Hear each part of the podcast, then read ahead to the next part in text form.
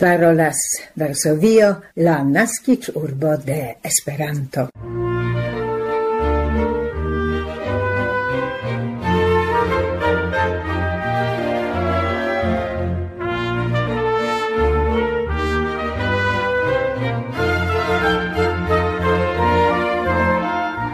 Bonvenon, gesignoroi, en la lauvica Esperanto-elsendo el Varsovio, de la Pola Retradio. La dudecan de aprilo 2023 Barbara Pietrzak, Milada Szwedo kaj Maciej Jaskot proponas komenca aktualaĵojn kaj en la scienctema rubriko ni informas pri distingo por pola sciencisto.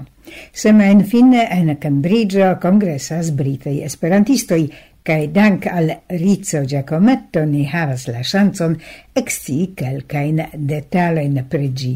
Kai en la fino vi trovas la cent tridec fragmenton de Kvovadis de Henrik Sienkiewicz en la Esperanto traduco de Lidia Zamenhof. Ne notu tamen, gesignore, en la comenzo la hieroan dat revenon, de la explodo de la insurrezio en la Varsovia ghetto solenne omagitan. Tio okaze al Pollando venis la germana cae israela presidentoi, ciui, cun la presidento de Pollando omagis la memoron de la victimoi interalie lumigante la memor candeloin en la sinagogo de Nożk familio en Varsovio. Jen pliaj aktualaĵoj.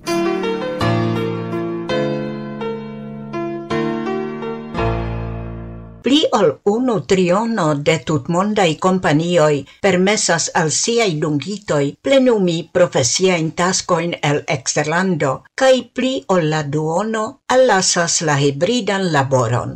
Laula rapporto de la consilista companio Deloitte, case de la polai companioi nur dec tri procentoi permessas laboron el aina loco de la mondo. Ec quardec sep procentoi de polai encetitoi attendas tian chanson. La autoroi de la rapporto tutmonda enqueto pri malproxima laboro rimarkigas che crescanta popularezzo de fora kaj hibrida laboro creas alla companioi chancoin altiri talentai laborantoin en la tuta mondo.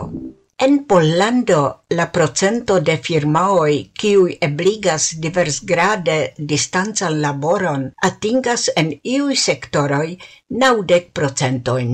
La plej ofta estas la hibrida modelo, premisanta dutagan officeian laboron semaine. Tiun modelon preferas preskaŭ ciu tria enketito en la Deloitte studo Stato de hibrida laboro en Pollando. Laula rapporto raporto tutmonda enqueto pri malproxima laboro malgrau la nuligo de limigoj enkondukitaj dum la pandemio, kvar el kvin enketitaj internaciaj companioi daure permesas al siai dungitoj labori distance almenau parte.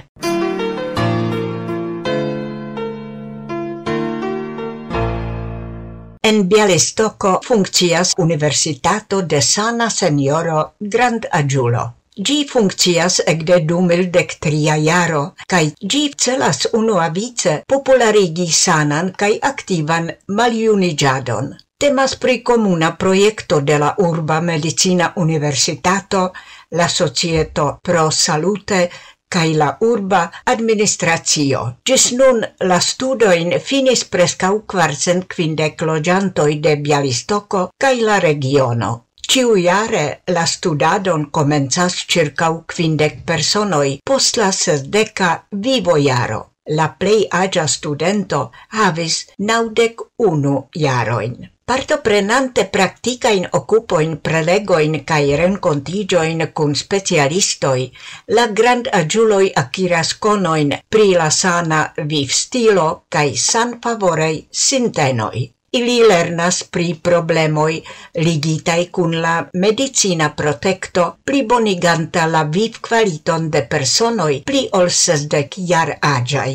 Maturaj studentoj excias pri la reguloj apliki medicamentoin kaj diet supplementoin la grand agiuloi havas crome la okazon partopreni okupoin fizike activigain cae aliain, en ciui ili alproprigas la elementain konoin pri informadiko kaj computila priservado. La Bialistoka Universitato ne nur ebligas la intelektan evoluon, gi ancau ebligas la socian integrigion de solecai grand agiuloi. Ciui occupoi ocasas en la Medicina Universitato de Bialistoko du foioin monate kaj estas senpagaj.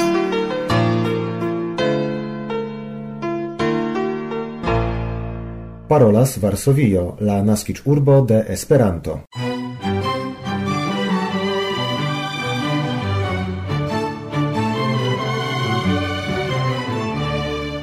La esploroi de expertoi el la Varsovia Universitato respondis la demandon el kiu materialo estas faritaj la tiel nomataj sandomierŝakoj – Temas pri unika trovaĵo en Pollando kaj unu el malmultaj ĉispecaj en Eŭropo. Ili prezentas geometrian, abstraktan muzulmanan stilon kaj apartenas al la plej grandaj laŭ la dimensio mezepokaj ŝakoj trovitaj en Pollando. Ilia maximum alteco egalas al dudek kvin milimetroi. En Pollando estas pli ol kvindek lokoj, kie estis retrovitai mezepokaj peonoi, sed preskaŭ ciam temis pri unuopai exempleroi. La shakoi el sandomies estas prescau completa trovajo. El inter tridek du poenoj ne estis retrovitai nur tri. La alia caracterizajo estas che un completo della figuroi havas profundain cae legeblain reliefoin, dum la alia havas ilin multe mal pli profunde gravuritoain. Ili estis retrovitei en 1962 proxime alla pregeio de Sancta Jacobo, kiu ekde 1226 estis la dua en Pollando kaj unu en la plej malnovaj en Eŭropo, dominicanei clostroi. Comenzai supposoi che sandomie shacoi estis faritai el ostoi de exoticae animaloi ne confirmigis.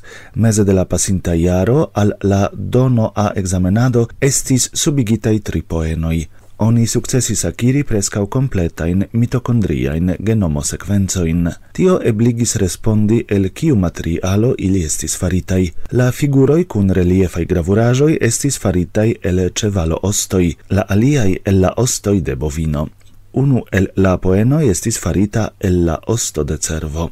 Dank al tiui informoi eblas certigi conforman conservadon al tiu unica mesepoca shac completo.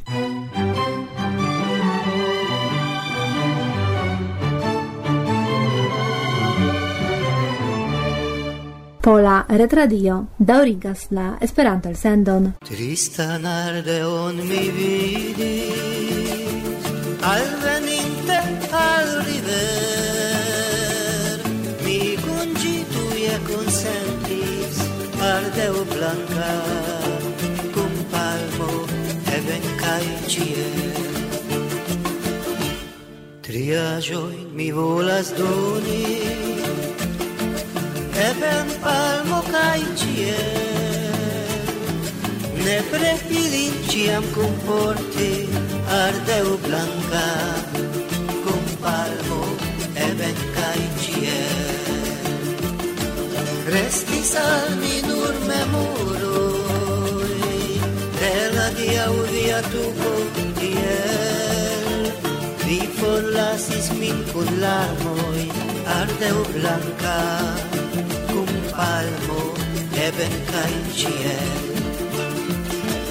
restis al mi nur memoroi, el la via viatuko tiel vi forlasis min kun larmoi, ardeu blanca, cum palmo eben kaj ĉiel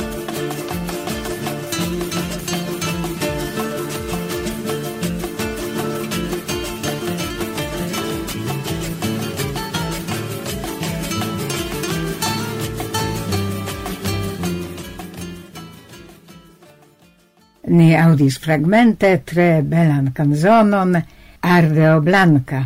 Cantis Feri Floro. Parolas Esperanto Radion, Varsovio.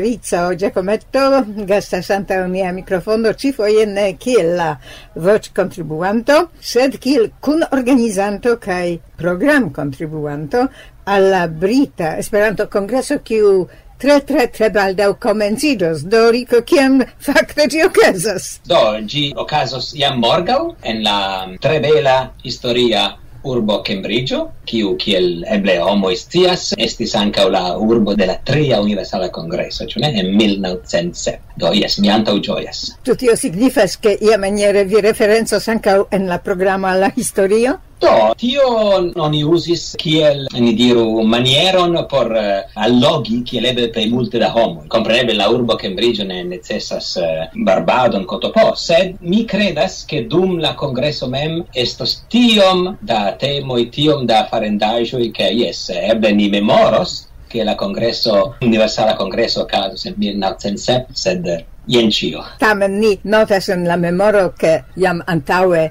Cambridge havis tiuin tutte aparte in rilato in alla movado alla comunumo komunumo. anto antaŭ tempo mi trovis en diversi reteio entusiasma in declaro in yes mi iros al Britio por la congresso tu anche exterlandano yes yes yes do precipe pri la chef preleganto la play multo de la prelegantoj estos eksterlandanoj kai kompreneble tio ciam estas bela ocaso ĉu ne? En Esperantujo yes ja nazia congresso gravas sed estas multe pli bele havi ankaŭ eksterlandajn gastojn inter la C'è preleganto, yes, la play multo estos exterlandano, estos Hanso Becklin el Usono, Stella Besengi Merger el Hungarujo, kai eh, Katalin Kovac, do Ungarino el eh, Nederlando. Tri cefai prelegantoi faros po du prelegoin, do Hanso parolos pri traducado de poesio, pri malfacila traducado de poesio en rimoi. Li prelegos ancau pri ibere libere, tri de chiara, do la tiel nomata um, hispana scolo, ciune? Stella parolos pri la mm, monda verk monato, do movemo, kai verŝajne ŝi prenos ankaŭ la okazon por paroli pri la libroj de EABO, ĉar Esperanto Asocio de Britio lastatempe eldonis multajn mm, librojn, ĉu ne? Kaj eldonis kaj eldonos multajn librojn, do libro kaj literaturo estas eh, centraj en tiu. Katalin parolos pri la instruista trejnado, kiu okazas en Poznano venontjare, parallele alla, alla tria iaro della interlinguistica studoi, kai si parolos anca pri la ker examenoi. La reta i ker examenoi kiu casos en junio, kai anca la cesta examenoi kiu casos dum la Universala congresso. Anche vi contribuas al programma della congresso, kai anche iui aliei contribui venos de britaj esperantistoj. Certe, multaj aliei contribuos, do mi estas unu el, el tiui, sed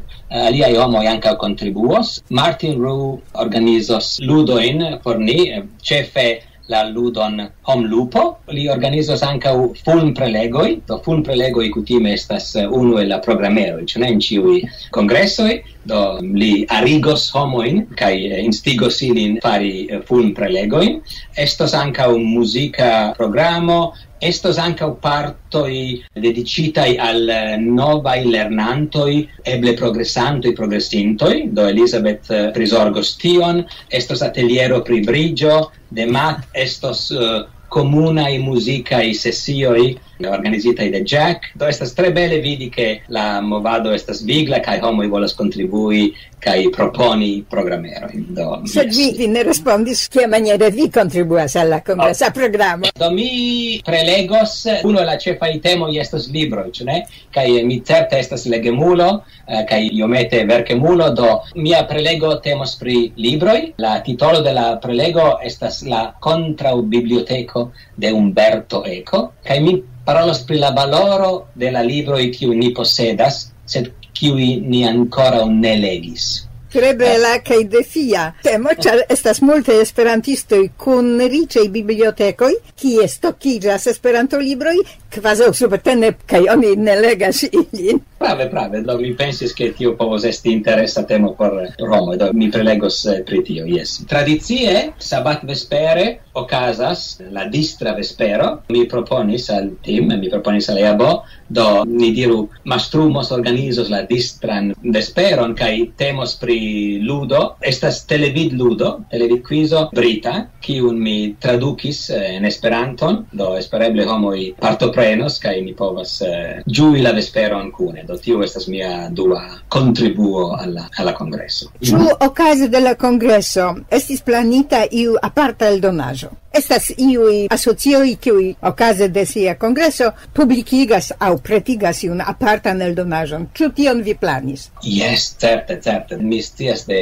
de tin kaj de EABO che certe estos nova eldonaĵo, almeno unus, povas esti ankaŭ du. Do, kiel eble vi stias, EABO nun havas multajn eldonota in libro in kai kel kelkaj ja mestas pretai do yes do la parto partoprenantoj en la congresso havos la occasion vidi la in unuan poion morga o kai sabaton kai dimanĉon dum la congresso. Do kai mi mem antaŭĝojas tion. Do Erico ciam la pli bonan successo in per la tuta congresso je viei manoi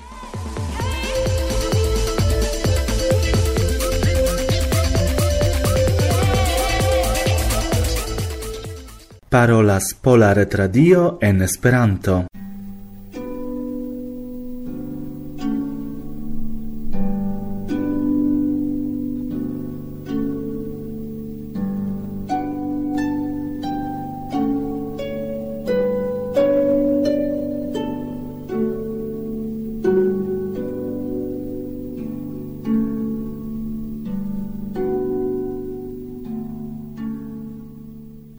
movadis de Henrik Sienkiewicz en la Esperanto traduco de Lidia Zamenhof, la cent tridexesa fragmento. Tamen estis al ili destinite vidi lin ancorau unu fojon. Quelcae tagoin aposte Petronius alportis alarman novajon el Palatino. Oni malcovis tie, che uno el la liberigitei de la Cesaro estis cristano. che ogni trovis ceni leteroin de la apostoloi Petro cae Paulo el Tarso, ancao leteroin de Jacobo, Iudo cae Johano. La restado de Petro in Romo estis jam antaue conata al Tigelinus. Li supposis tamen che li pereis cune con miloi da aliei confessantoi. Nun montrigis che la duce cefuloi de la nova credo vivas dis nun cae trovigas en la cefurbo. Oni decidis do trovi cae capti ilin por cia preso, char oni speris che nur cun ilia morto la laste radicoi de la malamata secto estos elshiritai. Petronius audis de Vestinus, che la Cesaro mem ordonis, che la dauro de tri tagoi Petro kaj Paulo el Tarso estu jam en la mamertina malliberejo che ke i tacmentoi da pretorianoi estis senditei por traserci ciuin domoin en Transtibro. Vinicius audinte cition decidis averti la apostolon. Vespere ni cae Ursus, vestinte sin per gallei manteloi, covrante la visagioin, iris all'apostolo loggiante in la domo de Miriam, qui staris ce la extremo meme de la transtibra urboparto, ce la malsupro de la Janicula montaggio. En voie ili vidis domoin, circavitain de soldatoi, kiuin conducis iui neconatei homoi. La quartalo estis maltranquila, cae quelcloque arigadis gruppetoi da scivoluloi. Tie cae ie centuriestroi examenis la capritoin, demandante ilin pri Petro Simeono cae pri Paulo el Tarso. Ursus cae Vinicius, antauveninte la soldatoin, atingis tamen felice la logeion de Miriam, cie ili trovis Petron circauitan de areto da credantoi. Timoteus, helpanto de Paulo el Tarso cae Linus, ancau trovigis apud la apostolo. Exinte pri la proxima dangero, Nazarius el conducis ciu intra casita passeio alla giardena pordeto, cae poste al forlasita ston mineio, trovigianta calcent pasoin for de la Janicula pordego. Ursus devis cetio porti linuson, cies sostoi rompitei dum la torturoi ne concrescis ancorau. Troviginte tamen fine en la subteraĵo, ini exentis insecurei, cae ce la numo de meĉlampeto, cium bruligis Nazarius, ili interconsenti interkonsenti mallaŭte, kiel savi la caran al ini vivon de la apostolo.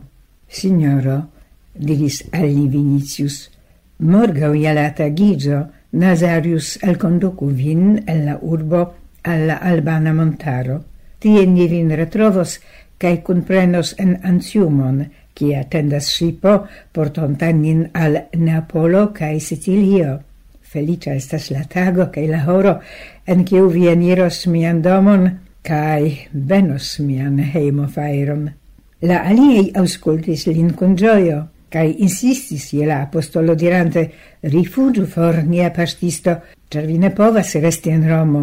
Conservo la vivan veron, porche gi ne pereu cune con ni cae vi, el auscultu nin, cioi vin petegas ciel patron.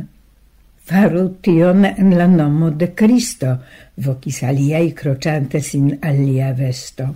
Cai li respondadis.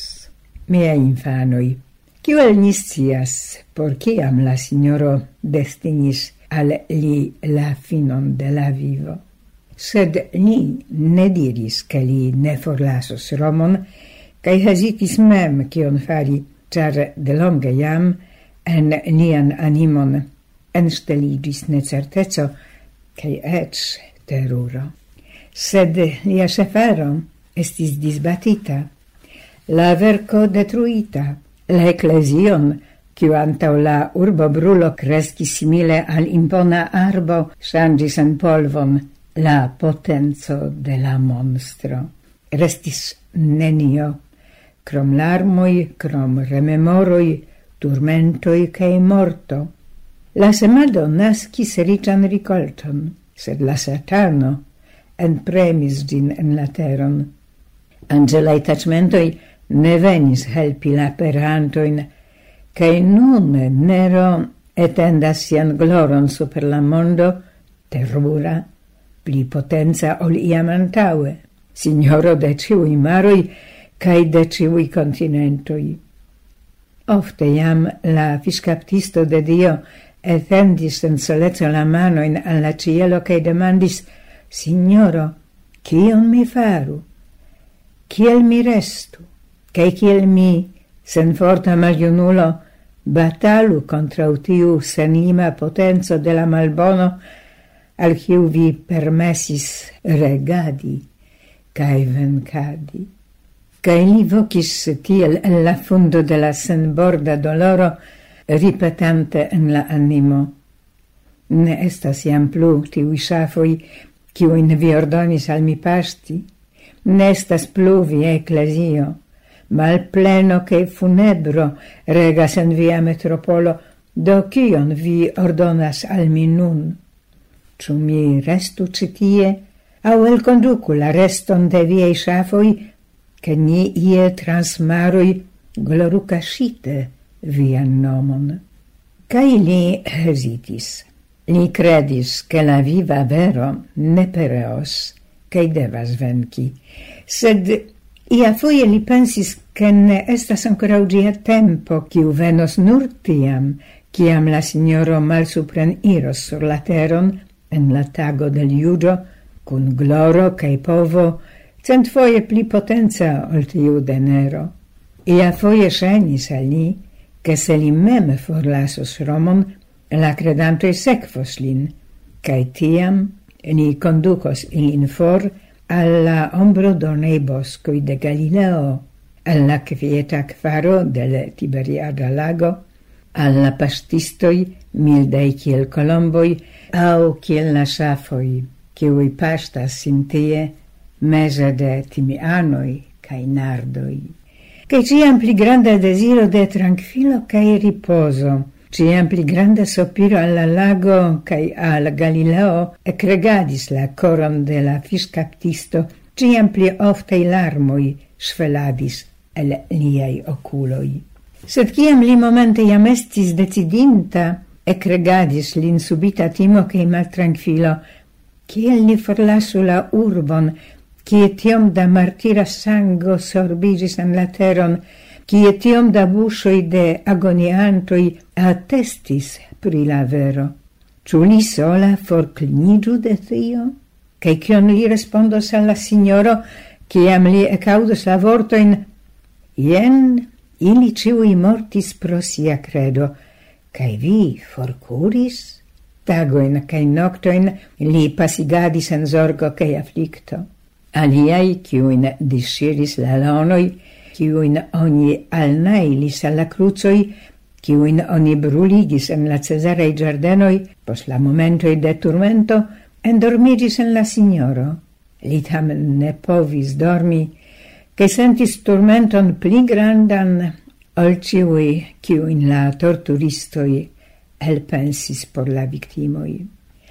La tagigio ofte blanchigadis iam la tegmentoin de domoi ciam li vocis ancora en la fundo de sia dolor plena coro. Signoro, cial vi ordonis al mi veni citien, cae en tiu cinesto del monstro fondi vian metropolon.